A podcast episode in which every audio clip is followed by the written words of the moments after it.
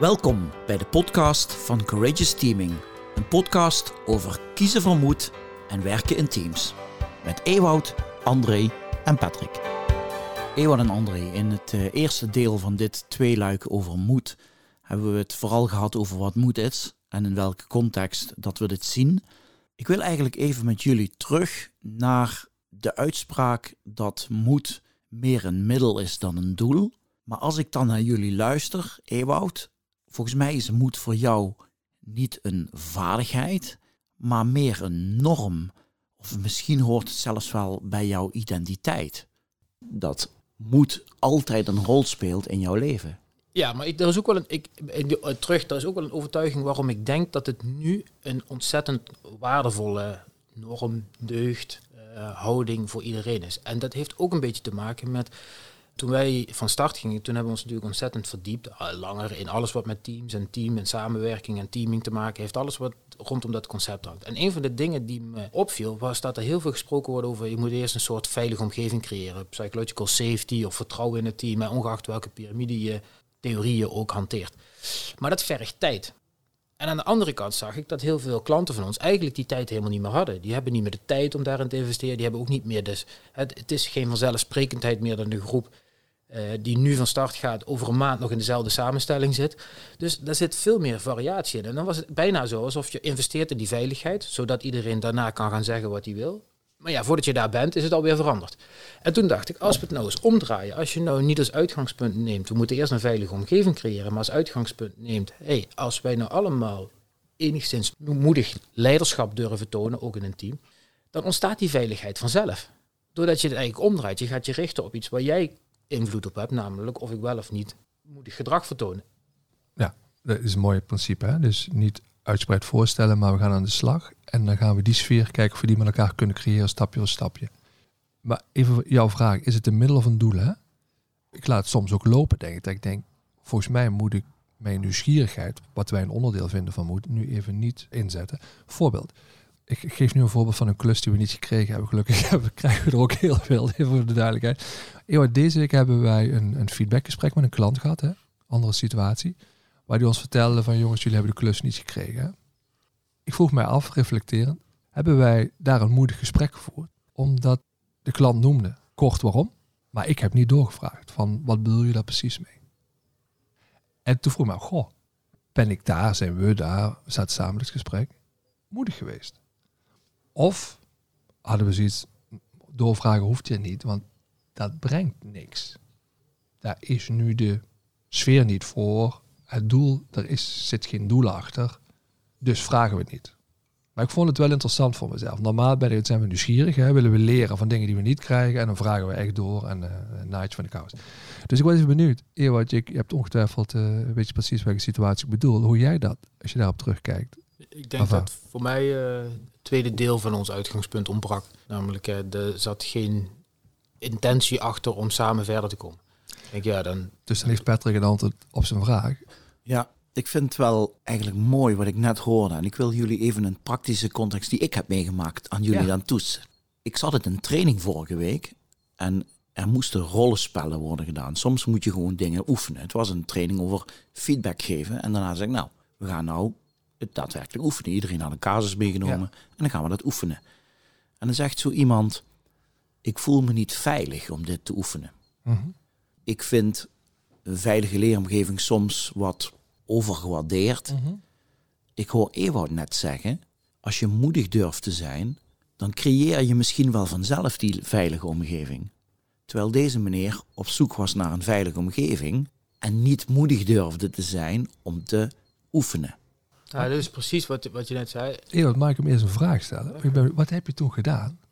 Nou ja, ik, ik heb tegen hem gezegd, dit oefenen is nodig om dit te gaan toepassen. Dus ik wil je toch vragen om dit te doen. Niet alleen voor jou, maar ga dan in de breakout samen met z'n drieën. Laat de anderen eerst oefenen en ga daarna de beslissing nemen. Ik ga ook oefenen. En als je het echt niet wil, ja, luister, je bent verantwoordelijk voor je eigen leren. Ik zou hem zijn gaan vragen, wat maakt het voor jou zo spannend om te zeggen, dit, dit ga ik niet doen? Ja, ja ik, ik doe dat dan niet omdat we met nee, z'n twintigen, of, of nou in dit geval twaalf in een Ja, dus in een sessie zitten. Dus het Ja. heeft op dat moment, vind ik dat te confronterend voor degene. Ja, dus wat, wat hier in deze situatie eigenlijk gebeurd is, en dat vinden wij het mooiste is, hier lopen even, zeg maar, het doel van je sessie, leren feedback geven, verward nu even met iemand zijn persoonlijke ontwikkeling. Want er ontstaat eigenlijk een hartstikke mooie kans om iemand te helpen in zijn persoonlijke ontwikkeling. Namelijk, hey, dat is interessant, jij ervaart hier wat onveiligheid. Ik, als je hem zou coachen, zou je op zoek gaan naar vragen, goh, wat is dan eigenlijk het ergste wat er kan gebeuren? En weet je zeker dat dat gaat gebeuren? Is dat een feit of is dat een verhaal wat je jezelf vertelt? En stel nou dat je het wel doet, wat is dan, wat is de opbrengst? Wat zou je ervan kunnen leren? En dat je zo iemand toch even een klein stapje weet te laten zetten in het moedig zijn. Daarmee zou het wel eens kunnen dat je überhaupt niet toekomt aan het feedback geven, maar dat je wel dat moment gebruikt om iemand een ongelooflijk waardevol inzicht te laten inzien over zichzelf. Namelijk, tot dat moment laat hij het gevoel van veiligheid afhangen van iets wat buiten hemzelf ligt.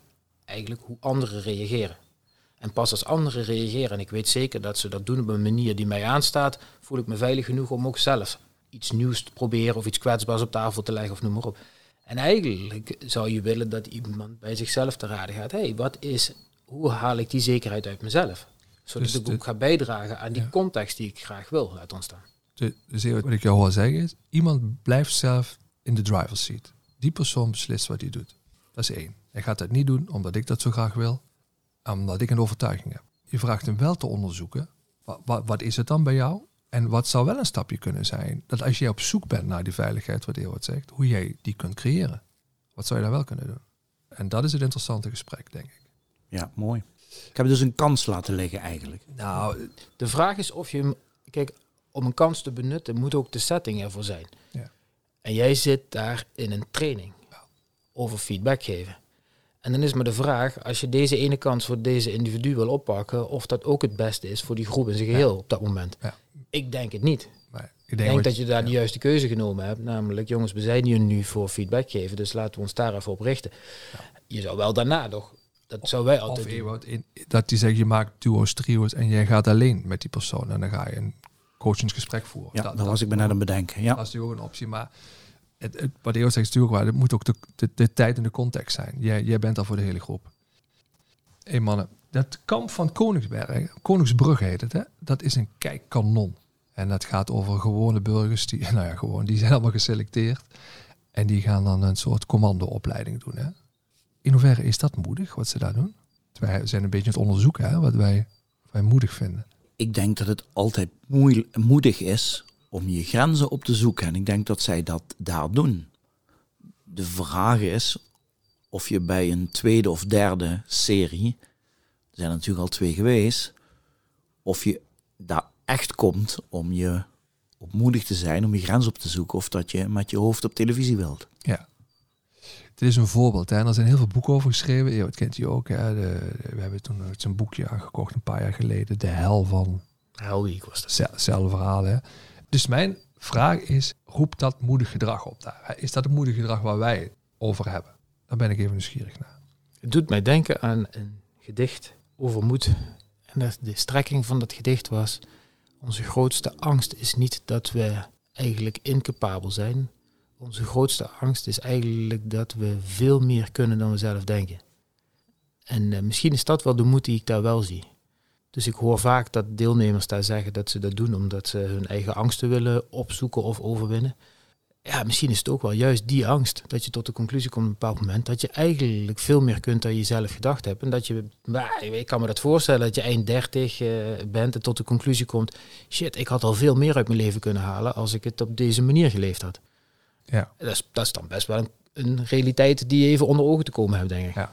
Dus daarmee verleg je als individu grenzen. Hè? Ik heb daar ook over nagedacht. En dan wil ik jullie eens met twee dingen confronteren. Dus, dus één, ik vind het natuurlijk mooi om te kijken. Weet je wat ik mis ten opzichte hoe wij met moeten omgaan volgens mij? Ik denk dat wij steeds uit zijn in ons werk op hoe maak je de ander ook beter. En het geheel. En ik vind dat in die, in die eh, serie vind ik de, de focus vooral liggen op het individu. Hoe die zijn eigen angsten overwint. En ik mis nog een beetje, maar dat is mijn passie ook, denk ik. Hoe maken ze elkaar beter? Maar als ik moedig ben met het doel om mezelf te verbeteren, is dat dan voor jou niet goed genoeg? Moet het altijd gaan om de groep? Ja, ik, voor mij is dit, uh, wat Eeuwen net voor is de hogere wiskunde. Dat is de, de crème de la crème. Dat, dat je niet alleen uit bent om zelf beter te worden, maar dat je in het oog houdt hoe wordt het geheel hier beter van. Ja, dit, maar hier zit iets heel, want ik kom toch weer op hetzelfde. Voor mij zit hier dat ego tussen. Dus de een is bezig met zichzelf te ontwikkelen, zijn grenzen op te zoeken, noem maar op. Maar eigenlijk ten koste van de ander. Omdat hij zich wil bewijzen of noem maar op. En echt moedig is als je wel nog bezig bent met jezelf te ontwikkelen en steeds beter te worden en grenzen op te zoeken. Op een manier die het geheel ook beter maakt. Dus het verschil is dat het niet ten koste van iemand anders gaat, maar ik mag natuurlijk wel aan mezelf werken om uiteindelijk het geheel beter te kunnen dienen. Ja, het is een dus- mooie verbinding tussen individu en geheel, tussen individu en maatschappij, tussen individu en team. Er was trouwens gisteren over, eh, ik weet niet of je het gisteren gezien hebt, was een fantastisch momentje daarvoor. Zij moesten zo'n sociogram maken over elkaar. En dan moesten ze als elkaar scoren. En toen lieten ze quotes horen van mensen blijkbaar. En een van die veruit sterkste jongens daar, die bracht een quote uit en die zei van, dit is bij, in deze tijd niet te zeggen, maar goh, ik heb niet zoveel met die vrouwen, want die zijn als we de berg op en berg aflopen steeds een blok aan ons been. Toen dacht ik, dit is nou het voorbeeld van iemand die als het om zichzelf, de moed om zichzelf te ontwikkelen, echt in de spiegel te kijken, om het geheel te helpen, nog een hele stap te zetten heeft. Want je kunt puur naar het fysieke element kijken, maar als je keek naar wat die vrouwen op een andere manier inbrachten in die groep, waren die goud waard. Ja. Dus ik denk, goh, daar heb je nog een mooi voorbeeld van iemand die nog wat moed nodig heeft om echt in de spiegel te kijken. Mooi hè? Dan hebben we een tweede element, hè, waarbij dat kamp heel erg scherp is, is zij zijn snoeihard, die begeleiders, naar die deelnemers. Hè? Hoe kijken wij daarna, Ewout? Want wij kijken voortbouwen op sterktes. Ik heb een, uh, een vriend die zei, goh, ik zou wel zo evaluatiegesprekken willen voeren. Nu doe ik dat heel soepeltjes en uh, met olie. En, uh, en daar is het gewoon gelijk bang, in your face. Hè? Zou dat niet ook met het doel te maken hebben? Ik bedoel, als je in het, het is de context, hè? zij zitten natuurlijk in het leger. Ja. Kijk, als je straks. Zou het wat uit mogen maken? Nou ja, als je straks met een groep ergens in een uh, woestijn zit en iemand fluit op een fluitje, dan moet iedereen wel dezelfde kant op. Ja, maar nu zitten we in een organisatie, even andersom, zitten we elkaars tijd te voldoen. Omdat jij niet tegen mij zegt, weet je André, je moet eens één ding gaan leren. Dat is luisteren. Dus wij blijven maar een beetje om elkaar heen dansen, want het leven staat niet op het spel, maar we zijn wel onze tijd aan het voldoen doordat wij elkaar niet in de face zeggen wat je ervaart. Ja, ja. Dus ik ging even van de metafoor uit dat Patrick en ik samen in een project zaten. Dus jij zegt eigenlijk in een oorlogssituatie vind ik het logisch. Het overleven staat op het spel. En in een organisatie, ja. Mag ik even terug naar het, de start? We hebben beloofd dat we het over moed gingen hebben. En dat we nou, uiteen gaan zetten wat moed dan is. Kunnen we dat misschien in twee zinnen samenvatten? Moed gaat altijd over jezelf. Gaat over je eigen aandeel in het samen zijn, samenwerken met de ander. Dus daarmee zet je, sta je zelf op het spel. Ik denk dat moed eigenlijk vooral noodzakelijk is als je snel tot de kern wil komen, terwijl nog niet alles duidelijk is, nog niet alles vertrouwd voelt, nog niet alles veilig is. Dan is, is moed echt een element om verder te komen. Kijk, dus wat niet, als iemand bij ons komt om gecoacht te worden of een team komt om te verbeteren en ze blijven constant praten over anderen, dan kunnen we niks voor ze doen we kunnen alleen maar met je werken. Als je naar jezelf kijkt, ik heb een probleem met iemand. Ik vind het super onrechtvaardig, voelt het voor mij. Maar wij vragen jou te kijken, wat is je eigen aandeel daarin? En wat kun je wel beïnvloeden en wel doen? Dat is constant waar we mee terugkomen. En als je dat weigert, dan kunnen we je niet helpen.